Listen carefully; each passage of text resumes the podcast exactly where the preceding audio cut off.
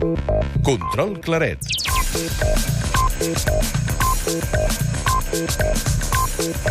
Des d'aquest divendres i fins al dia 5 de juny se celebra la Setmana de la Natura a Catalunya.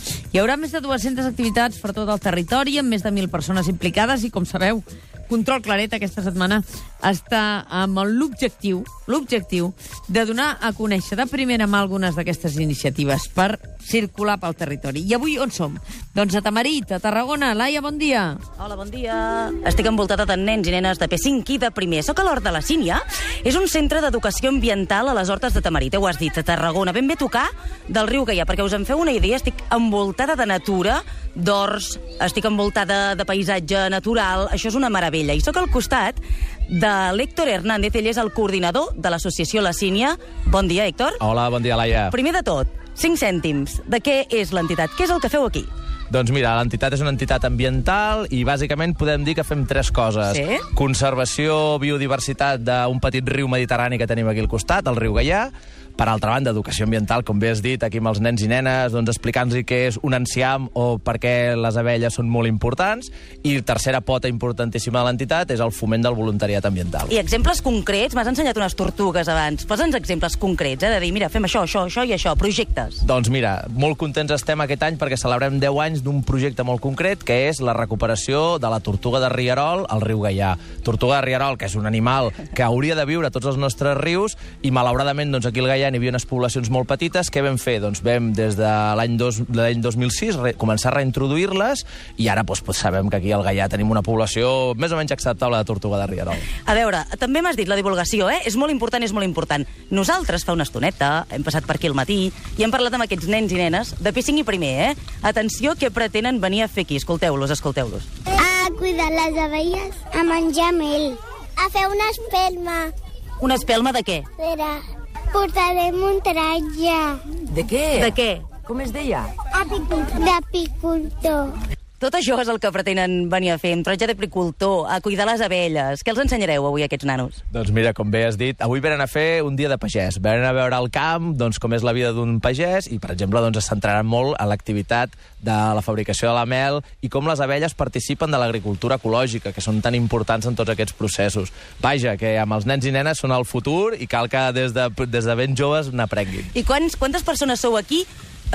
Jo utilitzo la paraula treballant, però no, no. En parlarem i això hi aprofundirem. Però quanta gent sou aquí dedicant-vos a això, no? Preservar la natura. Doncs mira, de fet som una associació, som una entitat, per tant hi ha una junta, després hi ha una sèrie de treballadors i treballadores, depèn de l'època aconseguim ser unes sis persones treballant, i després, importantíssim, tots els voluntaris i voluntàries que ens ajuden per tirar endavant aquest projecte. Anna Arall, bon dia. Bon dia. Tu ets la responsable d'aquests voluntaris. Doncs sí, Quins tipus de, de voluntariat teniu? Teniu Ui, aquí l'Horta? D'un munt de mena. Tenim voluntaris fixes aquests que ens donen un cop de mà amb el tema de, del SOC, això del seguiment d'ocells comuns de Catalunya. Sí. Després tenim eh, gent molt aficionada a la natura que ens fa coses com el tema de mamífers, el Víctor, eh, gent d'aquesta doncs, que va col·laborant amb coses més tècniques. Després tenim un voluntariat corporatiu, que són una sèrie d'empreses que venen un o tres cops a l'any i ens venen a fer feinetes, que els hi anem manant, coses que s'han de fer i que, per tant, ens donen un gran cop de mà. Després tenim eh, escoles, cinquers i sisès i també primers d'ESOs, que un dia anem a plantar arbres, un altre dia anem a mirar les caixes niu, a veure com estan, a tornar-les a col·locar, netejar-les i tot això. I després, els caps de setmana, El dissabtes... voluntariat del cap de setmana. Sí. Aquest és el que li agrada a l'Anna, aquest. Els Quin és altres. Anem programant una sèrie d'activitats al cap de setmana on venen famílies, bàsicament, però amb molta altra gent, eh? però sobretot famílies, i llavors també anem a plantar, anem a... Mira, l'últim dia vam anar a estar, a estar a Montferri i vam alliberar tortuga de Rierol, vam estudiar-les... Quantes hores hi pot dedicar un voluntari a fer de voluntari, eh? Unes 4 o 5 a la setmana. I què, què t'aporta? A mi?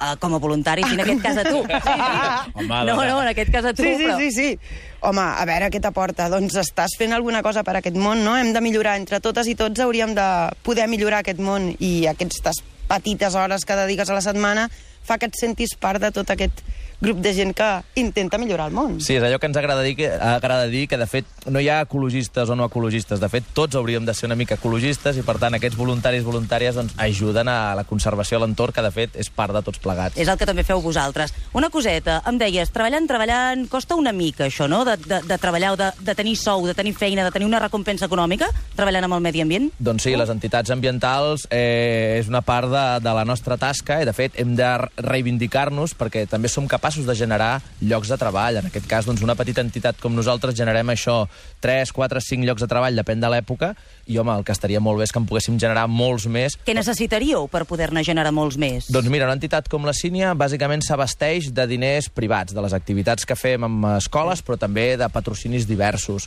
Tenim una petita part que ve de diner públic. El que estaria molt bé és que l'administració apostés seriosament per la conservació del nostre entorn, més, molt més encara, i que, per tant, hi haguessin aportacions públiques que ajudessin a la conservació d'aquest entorn, que, com te deia abans, quasi, quasi a Catalunya arriba al 33% d'espais protegits dintre de la xarxa Natura 2000. Si vosaltres ara us donessin X diners de pressupost, amb què l'invertiríeu? Què faríeu de més? Doncs mira, moltíssimes coses, però per exemple, contractar una persona que ens fa molta falta, que és un tècnic de fauna que ens ajudi encara millor amb els projectes. Però seríem capaços de fer moltes coses. De fet, la desembocadura del Gaià, que és un espai natural molt xulo i petitet, doncs hem sigut capaços com a entitat de custòdia doncs, a, a millori el seu aspecte i de fet la gent està contentíssima de passejar per aquí. Doncs Héctor Hernández, coordinador de l'associació Cini i Aragall, responsable del voluntariat, moltíssimes gràcies a tots dos.